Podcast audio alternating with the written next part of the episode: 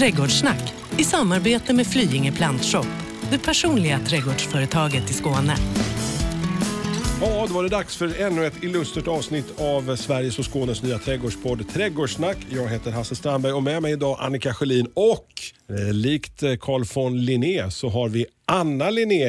Eh, din relation till rosor börjar vi lite snabbt så här. Eh, Den är inte så hemskt gammal. Den är faktiskt bara sex år sedan jag började på Flyinge plantshop. Okej. Ehm, Och där blev det en passion kan man säga. Vad är grejen med rosor för dig? Ja, det är dels att det finns en lång historia. Eh, en av de äldsta kulturväxterna som finns. Doftar förföriskt, är vacker. Ja, nej, de är härliga att ha att göra med, trots Mm. taggar. Då har vi satt eh, ribban lite grann. Annika Sjölin, din relation till rosor? Ja, alltså jag åker till eh, Rosarier gärna och eh, tittar och eh, doftar på rosor och tycker att det är faktiskt väldigt mysigt. Men jag har dem inte i min trädgård. Okej, är det för att de är... Vi behöver inte gå in på det, men jag skulle ändå vilja veta. För att menar, vi har ju sagt det är ju tycke och smak med blommor. Ja, alltså för mig så är de taggiga, nästan alla. Och Ja. jag hoppas, alltså jag ska ställa den frågan till Anna sen. Vad gör man med sådana som mig som inte gillar taggar? Jag tycker om andra taggar, det är märkligt men jag tycker inte om rostaggar. Eh, Jag har, jag har ett snabbt så- svar, men man kan raka dem eller någonting. kanske. Ja, men om vi börjar så är någon endast för mig är liksom det är engelska trädgårdar. Jag tänker rosor, jag tänker också gatorna runt om i Båstad, Agardsgatan. Där är sådana fantastiska prunkande rosrabatter. Vad ska man tänka på när man ska välja rosor och var börjar man? Liksom? Hur svårt är det? Det är inte så... Alltså, det kan både vara svårt och lätt. Alltså, jag brukar vända mig till ett sånt eh, standardverk som en man som heter Lars-Åke Gustafsson har skrivit flera eh, delar då om rosor för nordiska trädgårdar. Eh, den finns säkert på biblioteket, kanske på antikvariat och så, så man kan få tag i den. Om man vill riktigt nörda in sig i det här med rosor. Är det Bibeln för rosälskare? Absolut. Är det så Anna? Mm, ja, men det är det. Ja. det, är det. Har du den själv? Oh, ja. Ja. Om man har sin lilla bok, man har sin lilla rabatt, man står och funderar. Vad ska man tänka på när man ska börja välja rosor? Alltså, det är ju den där vanliga frågan eh, som återkommer, känns det som i varje program, och den är viktig. Alltså det är ju jorden eh, och förhållanden där den här rosen ska vara. Och då är det ju ändå så att om man anpassar sitt val av ros utifrån de förhållanden som man har vad det gäller jord och ljus och vind och så, så får man oftast en lättskött ros för att den passar där den ska bo. Det känns ju som att man kan köpa hur många jordsorter som helst. Alltså vi har betat av rhododendron och surjordar och citrusjordar. Alltså. Ja. Hur, mycket, hur många jordar finns det? Nej, men det är, det är ju snarare tvärtom du ska tänka. Vilken jord har du där du bor? Så slipper du ju Ah. köra hem den ena lastbilen efter den andra och byta ut din jord och så. Utan det jag menar när jag säger det här, och det är ju jättetjatigt, så är det titta på det du har. Vad har du för förhållande? Har du en jättelätt sandjord eller har du en styv lerjord och så? Och då finns där ju alla möjliga växter och också rosor som passar just där. Och då väljer man den och då blir det så väldigt mycket enklare än om man först ska liksom dubbel eller trippelgräva och så ska man byta ut jättemycket jord och så får man hålla på och jobba med det alltid. Lättare anpassa sig efter, så här är det hos mig. Okej, så- men om, alltså, men om man nu känner att jag vill ha den där rosen men jag har inte jordmånen till det där jag bor nu. Kan man göra en quick fix och gräva de där två, tre metrarna ner i marken och ösa ner olika sorters jord? Alltså förklara, jag är lite korkad. Jo, det kan man ju absolut göra. Eh, jordförbättra på det sättet att man gräver ut och sen så slänger man i rosjord, blandar upp, gärna med lite kogödsel. Eh, Hur långt ner måste jag gå Anna? Rosor har ju pålrötter så det är ju rätt så bra att gräva, i alla fall förbereda för att den ska komma, kunna komma ner långt. Eh, så att minst 50-70 centimeter tycker jag på djupet. Så det blir styvt arbete på semestern med andra ord. Men du erbjöd dig två meter. Ja, alltså, det tycker ja. jag tycker det var är liksom halvvägs Ja. till Kina. Ja. Det behövdes kanske inte. Nej. Ja. Men, eh, Det är som min kära far brukar säga, att dra bort 50% vad Hans säger så blir det nog nära sanningen så lite grann. Jag har en tendens till att överdriva lite grann. Ja, eh, man eh, tänker ju rosor sommar, men den lever ju ändå under vintern. Om vi flyttar oss där mellan sommar och vintersäsongen när det är dags att börja odla, sätta ut den i trädgården. Är det hösten som vanligt eller? det? Vi har ju två säsonger. Vi har ju försommarsäsongen då vi säljer jättemycket rosor och sen så är ju höstsäsongen eh, också en stor säsong. Det viktiga att tänka på när man köper en ros det är att på på försommarsäsongen så är den ju krukpackad. Mm. Den är alltså barrotad helt enkelt mm. och bara nedstoppad med lite torrmull. Ja. Vilket betyder att det krävs lite mer för rosen att komma igång och etablera sig. Vilket betyder att man också då inte får missa vattning. Det är superviktigt. Köper man ros på hösten så är den krukodlad. Den har alltså fått igång sina sugrötter. Den är lättare att etablera.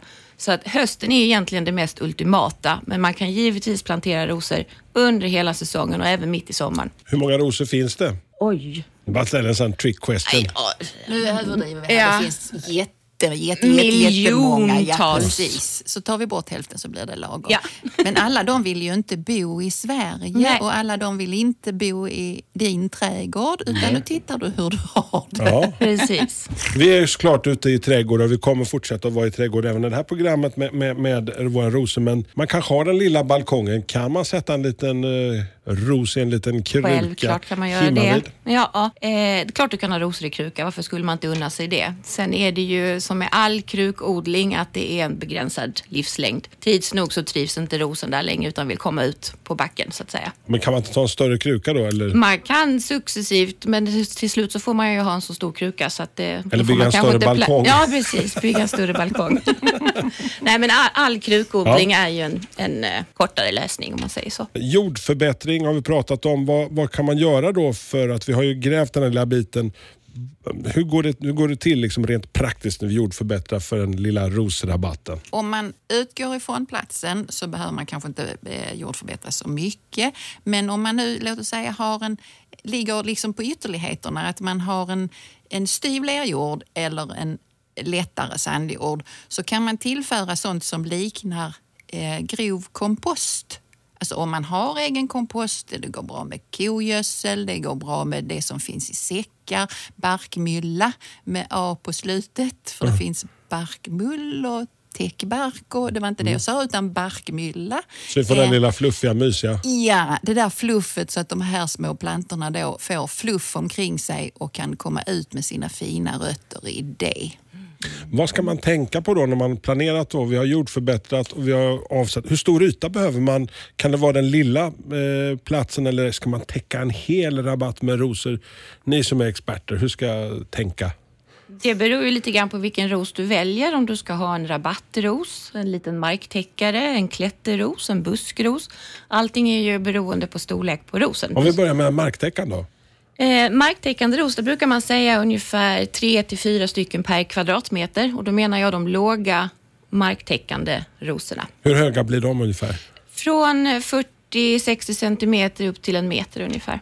Och lättskötta marktäckare eller de vanliga rabattrosorna? Vilka är mest enklast? Jag tänker på det råhänta. Liksom då, va? Det absolut enklaste är ju de marktäckande för de behöver du ju inte hålla på så mycket med. Då kan jag introducera dem hemma eh, utan ja. för mycket arbete. Då.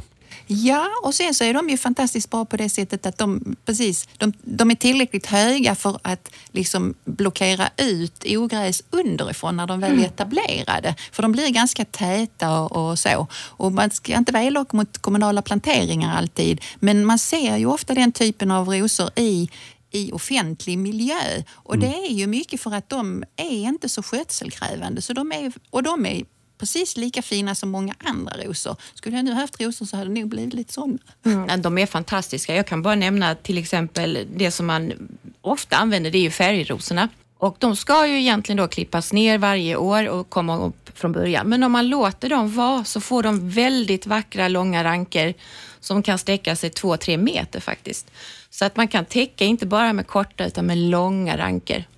Eh, jag var ju också inne på det här, för man tänker när jag passerar förbi Båstad på somrarna så går man där längs eh, gatorna och så ser man de här fantastiska rosorna som klättrar upp längs fasaderna. Så är det eh, ett lite svårare kit att ta hand om, den lilla klätterrosen? Nej, den är ju inte svårare per se, utan vad den kräver det är ju kanske stöd, uppbindning. Ehm, många klätterrosor, alltså de klättrar ju inte, de har ju bara sina taggar att haka fast med, men ingenting att hålla sig fast med vissa kan snurra lite enkelt och så. Men, men eh, nej, det, alltså man putsar kanske lite grann extra för de är ju ofta storblommiga de här rosorna. Och, eh, nej, men, men inte mer svårskötta egentligen än vilken ros som helst. Men vattning återigen. Något annat man tänker på när man tänker Båstad, man tänker eh, sommarstugor, sommargäster, så tänker man lilla sommarstugan och den lilla vildvuxna härliga sommarträdgården. Vildvuxen ros i, i den lilla sommarstugan. Hur, Alltså hur, jag tänker ju direkt på de kanadensiska rosorna som är en rugosa-ros som är eh, tåliga, härdiga, de kräver inte jättemycket skötsel. Framförallt är de torktåliga. Man kanske inte är där och passar hela tiden så. Eh, blommar kontinuerligt, doftar vackert och ger lite grann, eftersom de då är en rugosa-släkting, så ger de lite grann det här vilda men ändå det vackra sköna. om vi studsar in på det där just med vattningen och det är såklart lite beroende på vilken tid man har. Men om man nu ska välja någon ros som inte kräver så är det den rugosa-rosen eh, som vi ska välja. Som, Ja, precis. Och egentligen alla de rena arterna, rosa kanina, multiflora, alla de rena är mer tåliga. Men så fort man förädlar så blir de lite skörare och kräver lite mer omvårdnad. Hur mycket, alltså, nu frågar jag Annika, du bara tittar på mig. Mm. Han dum har inte lärt sig någonting på de här programmen. Men hur mycket, hur mycket behöver man vattna rosor generellt och de här som är lite sprödare? Det är någonting som man nästan måste lära sig för, genom att, alltså det här med att försöka och ibland lyckas jättebra, kanske oftast lyckas, lyckas jättebra och ibland lyckas mindre bra. Då kan man ju titta tillbaka kanske och tänka att ah, det var nog så att hela juni, juli så regnade det inte alls och jag vattnade ju faktiskt inte och då kan man ju inte förvänta sig att det ska Nej. kanske bli så bra så.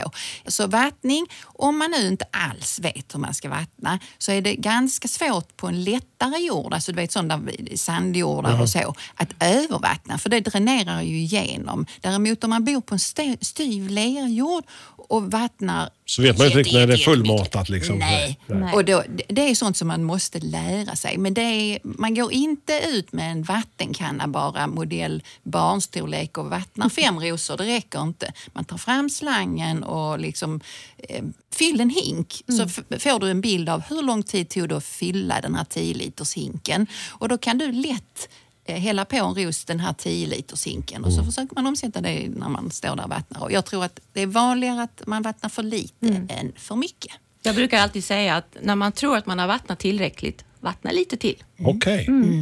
Tänka sig, jag lär mig något nytt varje dag. Men jag lärde mig också någonting nytt när vi klev in här, i lilla poddstudion. Det var ju att, eh, lite otippat, du gillar inte taggiga rosor eh, Annika. Nej. Och då ställer jag mig till rosexperten Anna. Okej, vi har en eh, kund här som eh, tycker om rosor men gillar inte taggarna. Vad ska vi göra? De är rätt vanliga faktiskt. De vill gärna ha rosor som är taggfria, som doftar och blommar hela tiden och klarar eh, torra lägen. Det Så låter att, ju eh, som ett eh, en utopi. mission, mission impossible. En utopi. Så. Eh, Men det är klart att det finns. Absolut, visst gör det det. Mm. Men vad säger du till Eh, den kunden? Ja, nej, men jag säger, följ med så ska vi hitta några till dig. Ja. Det finns alltså rosor? Det finns taggfria, eller nästan i alla fall. Det kan vara någon enstaka liten och och så finns det nästan taggfria rosor. Det är Absolut. ungefär som med hallonen som du berättade för mig häromveckan, ja. Annika. Ja. Ja, du blev lite överraskad. Ja, alltså jag jag bara- var jättes, tyckte jag själv, var jättesnäll mot en småbarnsmamma. Hon gick omkring i butiken och så eh, hade hon köpt en, en eh, bärbuske som skulle klättra då. Eh, och eh, tre stycken sådana. Så sa hon, nu ska jag sköta de här. Och så, så såg jag de små barnen. Så sa jag, det är barnen som ska äta dem. Ja, sa jag. Men att du inte går bort och byter dem då. För den här saken som hon hade tagit var rackans taggig. Att du inte går bort och byter dem då till taggfritt björnbär istället. Så att barn som ser ut som nåldyner vill vi inte helst ha. Så kan de här barnen då plocka det här utan att få en massa taggar i sig. Det tyckte jag var lite så snällt av mig. Och hon blev faktiskt ganska glad över vad- jag sa. Men vad är, vad är det för är några speciella, är de svår, mer svårskötta de här taggfria? För jag kan tänka mig att de, klätt, de, de funkar säkert inte så bra då på att klättra och klänga. Jo, vet du vad? En av de mest populära taggfria rosorna är en honungsros, en rosa Helena lyckefund. Den blir 7-10 meter lång och klättrar upp i träd. Den klarar det alltså. Utan det... att kroka i någonstans ja, med... ja, den har sån enorm växtkraft. Så Du, du droppar sådana namn här på. Alltså, k- vad är det mest udda namn? På, på, Den mest udda, oj, oj, oj, oj, Taggfri då, Ghislaine de Filigond. Ja, men det var väl jättelätt. Vi lärde oss förra veckan. Andra stavar sidan- vi det? För förra veckan så lärde vi oss andra sidan om att det fanns både bimbos och det ena med det tredje ute i bambudjungeln. Det tyckte du var kul. Ja, ja. Det tyckte jag lite så här. Det brukar jag dra upp så här. Eh, rosor, underhåll, vattning, gödsling tänker jag under säsongen. Vad är det för typ av gödsel? Kogödsel har jag ju mullat ner när jag har Men, planterat det, men den. det, lite grann sådär, för köper man då på försäsongen, så när de är krukpackade, då är det jätteviktigt att man inte har för mycket gödsel i jorden, för att det kan bränna. Den ska ju då dra igång och bilda nya sugrötter.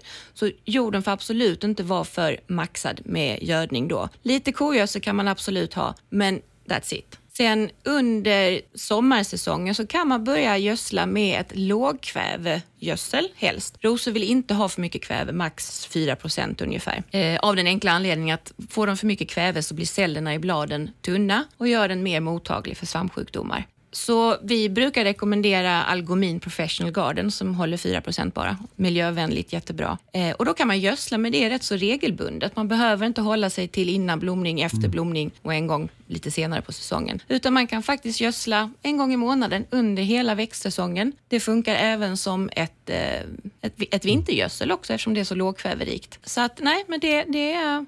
Sen har vi ju fått in en superbra nyhet. Ett bladgödselmedel som man sprayar alltså på bladen. De har också ett lågt kvävetal, men framförallt gör det cellerna ännu starkare. Annars att, när, du, säger spraya på blommorna så låter det som någonting man bekämpar ohyra. Och då, då, tänk, då tänkte vi kan komma in på det också lite grann. Ja, eh, fast i första hand så är det här medlet till för att bekämpa svampangreppen. Ah, vanligt på rosor. Ja, det kan man väl säga att det är. Mm. Absolut. Vad är det för eh, vanligaste så här, sjukdomar så när man tänker ros? För jag tänker att det är sånt som är lättangripet. Ja, alltså de, de kan ju få rosrost, de kan få svartfläcksjuka och mjöldagg. Det är väl de tre vanligaste svampsjukdomarna som, som dyker upp. Så det är primärt svamp, svampsjukdomar som är Ja. för, för rosor som... Det är det. Och ju mer förädlade de är, desto vanligare eller lättare är det för dem att, för att cellerna är, bladen är så sköra helt enkelt. Välkommen till Flyinge Plantshop, ett riktigt gardencenter där kunskap, kvalitet och service är en självklarhet.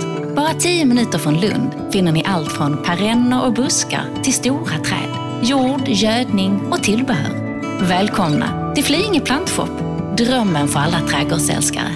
Underhållet av rosorna under säsongen. Vad tänker vi där, Annika och Anna? Anna har säkert fler eh, tips om det eftersom hon har jättemycket rosor i sin trädgård och jag har inte en enda. Hur många rosor har du hemma i trädgården, Anna? Kan jag vara uppe i nu ett överslag på tio olika sorter kanske? Alltså bara tio. Bara tio. Jag, jag har en liten villaträdgård och mycket annat. Så att, de tar sin plats. Men du, alltså, vad, eh, vad är att tänka på med det lilla underhållet där? Eh, Alltså det är ju då vattningen, det är att gödsla regelbundet. Väl välmatade rosor är friska rosor. Det är att putsa om man nu har rabattrosor eller bus- buskrosor av den sorten som man bara vill ha vackra blommor. Så putsar man bort så fort de har eh, blommat över helt enkelt så bildas det nya Så blomkroppar. man går ut där och noppar lite grann ja, man går trädgården? ut och noppar lite grann. Ja. Mm -mm. Men alltså att eh, sätta in en liten prunkande bukett med rosor från lilla trädgårdsrosorna, det är inte sådär. De lever inte så länge inomhus, månde. Jo, det tycker jag. Ja, det tycker jag. Alltså, någonting som jag tycker är trevligt att göra med rosor, om jag nu hade haft några, det är faktiskt att lägga dem i eh, en skål med Ja. vatten. Och då bör, liksom bara klipper man av några rosor så lägger man det i vatten. De håller fa- faktiskt ganska länge och Ja. är väldigt dekorativt på Så man har som en liten nekrosdamm där hemma i Ja. köket. Ja, det är alltså, så det fint. gillar jag. Mm. Ja, jag med. Nu, Ja, nu låter det som vi glider in på. Ernst Kirchsteigers område här lite grann. Tycker du vi ska backa då? Känner du dig lite så? Nej, jag, alltså, jag är en stor vän av Ernst. Jag vet att eh, många i min närhet, han är en sån vattendelare. Så. Ja, ja, men precis. Antingen så älskar man barfotaplasket i den lilla Ja. eh, dammen. Eh, Ja, eh, men eh, då har vi lite koll. Beskärning, när sker den? För det är någonting som man tänker så här, man beskär sina rosor. Man beskär, beskär ju under säsongen fortlöpande med att man putsar Ja. bort avvissnat. Eh, men den primära beskärningen sker ju när björken har musöron, som det så käckt heter. Oj, det där lät som taget ur l- han farbrorns bok. Den där. Ja, det, det är en gammal, jag vet inte hur länge det har funnits. Nej, det är nog sån bondepraktika Ja, ungefär. precis. Så det är inte Lars-Åke Gustafsson. Nej. Det tror jag. Just det, han är mer han formell Ja. skulle jag Ja. vilja säga i sin bok på gott och ont. Men, men det här med björkens musöron. De allra, allra flesta har ju en björk i närheten. Ja, och då så, det man ska lära sig att titta det är liksom ingenting på björken, ingenting på björken, ingenting på björken. Och sen så börjar det bli lite någonting på björken som ser grönt ut och efter ytterligare någon temperaturhöjning så har de här bladen fällts ut. Då ser de precis likadana ut som musöron och då beskär man rosorna. Vad gulligt. Ja, visst var det. Ja, men då har vi, vi har tagit hand om våra svampangrepp och vi har beskurit våra rosor. När jag ska planera min lilla rosrabatt, hur ska jag kombinera? Kan jag kombinera? Ska de stå själva eller ska man blanda upp? Visserligen har jag något estetiskt drag då, men jag tycker du ska ta bort ordet ska. För att alltså det här med tycke och smak och vad man tycker är vackert, det är så väldigt olika. Utan back to basics, välj en ros som passar för platsen och sen när du har din absoluta favoritros så ser du liksom, jaha men den hamnade ju här och där och då, vad ska jag göra nu för någonting? Men jag tycker ju att rosor för min del, om jag hade haft några, de hade hamnat där jag, i den delen av trädgården som jag såg mest på sommaren. För det är ju då jag är liksom just där. Jag hade inte velat se dem på vintern. Jag hade till exempel inte satt dem framför eh, min eh, huvudentré där jag går varje dag. För alla de månaderna när rosorna inte ser så käcka ut så är de, eh, mm, då kan de stå någon annanstans. Det kan vara lite Eh, dålig stämning där. Så. Nej, det vet jag inte, men, men de, alltså de fyller ju inte så mycket skönhetsvärde kan man säga, utan överdriva tror jag, på vintern. Eh, Men om man då vill ha dem någonstans och så blir det liksom ingen stomme i trädgården då, för då blir det liksom ris, eh, eller vad ska man säga, grenar som sticker upp under, eh, ur marken på vintern. Om man då använder sig av stomme så tänker jag buxbom till exempel, för då får du någonting som är grönt, form, hela året. Och sen så kommer rosorna som ett plus där då. Och det är klart, väljer du då den här honungsrosen, lyckfynd, var det du sa va? Ja. Eh, och den är bautastor. Eh, då får du ju ha någonting kanske som den kombineras med som kan tävla lite i proportion. Så då kanske du har stora buxbomsklot som fyller funktionen under vintern. Har du då en låg markdäckare då kanske du vill ha något lägre tillsammans med rosen som Så vi landar i tycke och smak egentligen. Ja, i eh, proportioner skulle jag vilja säga. Sen är det ju en vanlig kombination som många använder sig av och det är rosor och lavendel. Är de kompisar eller? På något vis eller? Klassisk. Ja, det är en klassisk kombination men egentligen så är det väl så då att om man då har en lite tyngre jord eh, och rosor så trivs rosorna jättebra. Men kanske inte lavendeln för det blir lite för tungt och då får man ju välja en annan kompis. Nu ligger vi då med en jord och en ros som trivs i lite lättare jord. Då kan man använda sig av lavendel men på den tunga jorden kanske man använder sig av en gammal eh, örtartad växt som heter isop istället. Så man får till en blå Heter inte isop? Jag tror- Jo, det får du gärna kalla den. Ja. Isopisopen. Ja. Eh, Den, Ja, jag bara sa den min kan man pappa brukar säga, han säger isop, så jag vet inte vad som Men är det gör rätt. vi Det, som pappa. det, det gör nog jag också, men Ja. det är nog Ja. dialektalt Ja. tror jag. Ja, just det. Jag vet inte var ni kommer ifrån. Nej, vi kommer norr om Hallandsåsen. Lapp, ja, ja. Lapphelvetet, det hör ju du va?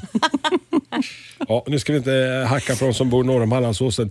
Buxbom, eh, klematis tänker jag också i, i Alltså, vad rosen. tycker du om det, Ja, nej, men det, alltså, det, det, de är ju bästisar kan man ju säga. Bättre än lavendel och rosor. De vill stå i samma jord i princip. Mm. Växer på höjden. Eh, man kan ha en klematis som blommar tidigt Ja. ihop med en ros som blommar kanske lite senare. Just det. Så ja, avlöser de varandra. Och jag som då är mer praktisk, när jag hade rosor och eh, där fanns eh, Var det taggfria på den tiden eller? Eh, nej, jag hade inte valt dem själv. Nej. De fanns. Nej. Så jag skulle välja en klematis som jag skar ner helt på hösten eller tidig vår. Så att jag inte behöver in och peta i beskärningen när rosen är taggig och jag ska in där och beskära så. Utan låg beskärning så, så att jag liksom så av med klematisen och sen så kommer den och blommar eh, under sommaren. Då. Så tänker jag. Och det finns ju sådana. Det där med klematisar kan ju vara lite eh, joxigt för Ja. många. För då finns det klematisar som man skär på ett sätt och sen så finns det klematisar som man liksom bara skär ner i marken och så. Det kallas för beskärningsgrupper i vår värld. Och kollar man på dem eller frågar oss eh, på plantshoppen då så kan vi hjälpa till. Om man eh, tänker på det där med trender i rosor. Finns det några trender just nu? Anna, du som jobbar dagligdags med rosor på Flyinge Plantvåp. Vad är det för trender som gäller just nu? Jag kan tänka mig att det är sånt som förändras. Eller är det tidlöst när det gäller Rosor är mer tidlöst, det måste jag säga. Det kommer alltid att finnas en efterfrågan eh, på gammeldags rosor, på engelska rosor, de som kallas för Austinrosor. Ehm, men det, nej, alltså jag kan inte se någon direkt trend så. Årets ros som blev vald av Rossällskapet är ju en liten rabattros som heter eh, Aspirin. Eh, som är en lågväxande ljusrosa ros som tog fram till läkeföretaget som just Aspirin. gör aspirin Jag tänkte jag var tvungen att fråga det. Liksom. I Trädgårdssnack. Eh, och det är ju Rosenskapet som tar fram de årets rosor varje år.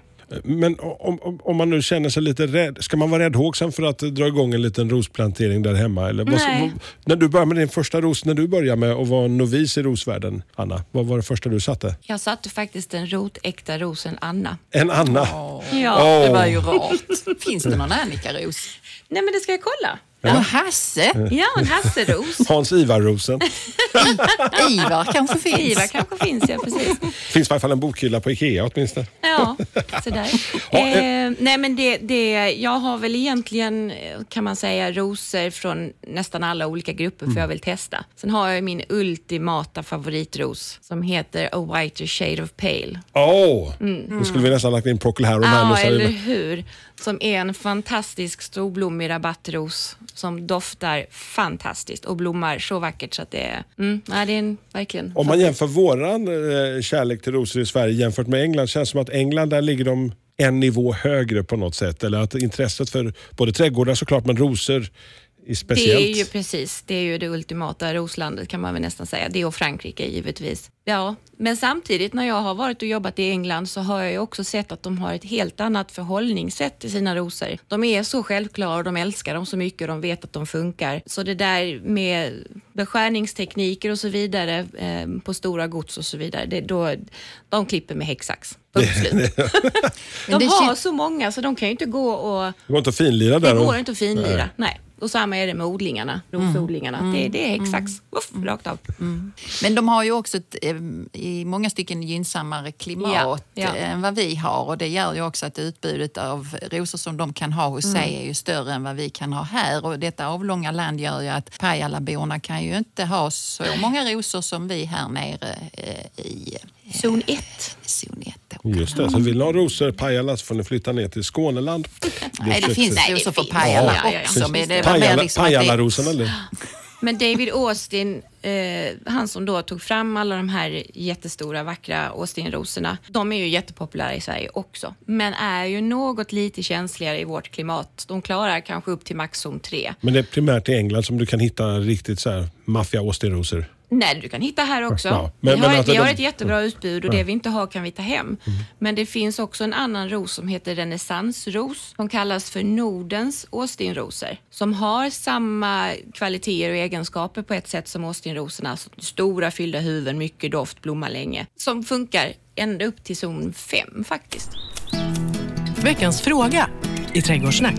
Så säger Anna Linné och nu ska vi ta oss och ägna oss åt veckans fråga. Jag vet Annika att du, när du dök upp här i studion så sa du att ja, vi måste ta ett snack igen om förra veckans fråga om det där med snigelgifter och vi pratade om hur man ja. utrotar de där Ja. små slemmiga spanska skogssniglarna. Ja, vi pratade ju mest om att jag tyckte att man kunde nacka dem och då, då fryner ju många på näsan. Så att nu kollade jag lite vad vi hade för någonting som de man inte behöver gå och nacka dem. Och då finns det alltså såna här pellets då och snigelstationer och det finns koppartejp som man då kan eh, klistra på krukor och vad man nu kan göra med det för någonting. Och sen så fanns det någonting som jag borde bli väldigt poppis, tänker jag. Vi pratar ju ofta om pallkragar och eh, det finns en pallkragegeneration som är väldigt aktiv när det gäller att odla sina egna grönsaker och Ja, bär och buskar och så. Hipsterungdomarna som skaffar hus. Ja, precis. Och då så finns det lister eh, till pallkragarna då som man kan liksom häkta på och det gör som en, en eh, barriär så att snigen kan liksom inte ta sig runt den här listen. Så att de som nu har sallad och, och rucola och rädis och vad man nu har för någonting som är sånt gottebord då för sniglarna. De kan nog vara betjänta av de här listerna som man då kan sätta. Och sen hittar jag en sak till och det var, jag sa ju att jag har en speciell sekatör att döda sniglar med. Klipper dem precis bakom liksom nacken då, tjoff så. Men då hittade jag en sån här mojäng som man liksom kan stå upp och bara tjoff, så är man lite på avstånd om man nu tycker det är ledbands en liten om man giljotin har, nästan. ja, och om man har väldigt mycket sniglar så, så behöver man ju inte krypa omkring där för ont i ryggen kanske. The Terminator, Annika Sjölin säger så här. Ja, eh, sen har jag då veckans fråga. Det är Kristina från Trelleborg som frågar. Eh, hörde att man ska klippa bambu, bambu eh, efter förrförra veckans avsnitt. När gör man det? Kan jag eh, flytta den överhuvudtaget, den lilla bambun som börjar ta sig lite Ja. oanade proportioner i trädgården? Ja, eh, ja absolut. Man ska klippa bambu. Eh, man, eh, och det är framförallt för att den inte ska bli risig i första hand. Då. För att varje sånt här bamburör som dyker upp ur marken, det lever ju en begränsad tid, någonstans eh, 12-15 år. Och sen dör det. Och då får man ju såna här döda bamburör inne i sin bambubuske Eh, om man vill kalla det det. Eh, och de ska man absolut ta bort och då gör man det helt nära marken. Så man dyker liksom in i den här eh, djungeln av bamburör och kollar vilka som är döda. Och Tycker man det är svårt att se det i marknivå så tittar man uppifrån och så tar man tag i röret och så liksom följer man det neråt och så klipper man av det nära marken. Då. Men sen kan man ju klippa på ett annat sätt också om det var det den här eh, tjejen tänkte på. Eh, och det är ju om man nu skulle vilja ha bambu som en klippt häck så kan man ju alltså klippa den eh, när de nya rören har vuxit upp. För då, om inte bambuplantan är i sluthöjd, nu pratar vi inte bimbo nu, utan vi pratar till exempel jumbo som då skulle kunna bli någonstans 2,5-3 och ännu mer meter. Eh, och så vill man inte ha det, utan man vill ha den lägre. Och då kan man klippa den liksom på toppen. Men man kommer inte undan det där och gallra ur den efter när man har haft den ett antal år. Men när gör, gör man själva, själva ingreppet? När klipper jag? Är det slutet av... av eh, Ja, det är när de här nya Ja, rören liksom ja. har nått sin Ja. höjd. För då sticker de upp och då är det många som tycker liksom, nu ser det spretigt ut. Ja, då kan man liksom kapa dem. så det kan vara egentligen när som under säsongen man kan... Ja, det är, ganska, det är lite intressant med bambu för att det som, när de skjuter nya rör, då sker det under ganska kort tid. Så att olika bambuarter, jag har ganska många i min trädgård, eh, skjuter vid lite olika tidpunkt. Och då är det liksom från 0 till 100. Då är det ingenting och så kommer det ett nytt rör. Och sen så efter två veckor så är kanske det två meter högt. Zip! Och då gör liksom plantan många sådana rör på en gång och då sticker de ju upp ovanför Så plötsligt kommer man hem till en djungel verkligen. Så. Ja, nya sådana då. Och så tycker ibland någon då att det ser spretigt ut för att man kanske inte tänker så mycket på vad det, vad det egentligen är. Det är höjdtillväxten. Ungefär som att ett träd blir högre så blir bambun också högre tills den når sin sluthöjd. Och vill man då inte ha den så hög så får man ju klippa de rören då. Vi hoppas att eh, det gav svar på tal, Det var Kristina. en sak till. Jaha. Det var flytten. Just det. Just det. Ja, flytten, eh, hur tänker vi där? Ja, då tänker man så att om man ska flytta bambu, då ska man, det beror lite på bambusort. Om vi nu har en, en typ bergbambu då, som har en, en, ett lite kompaktare rotsystem på den plats där man faktiskt planterade den, så kan man flytta den. Men det är ju ett hästjobb alltså, om man har en stor planta.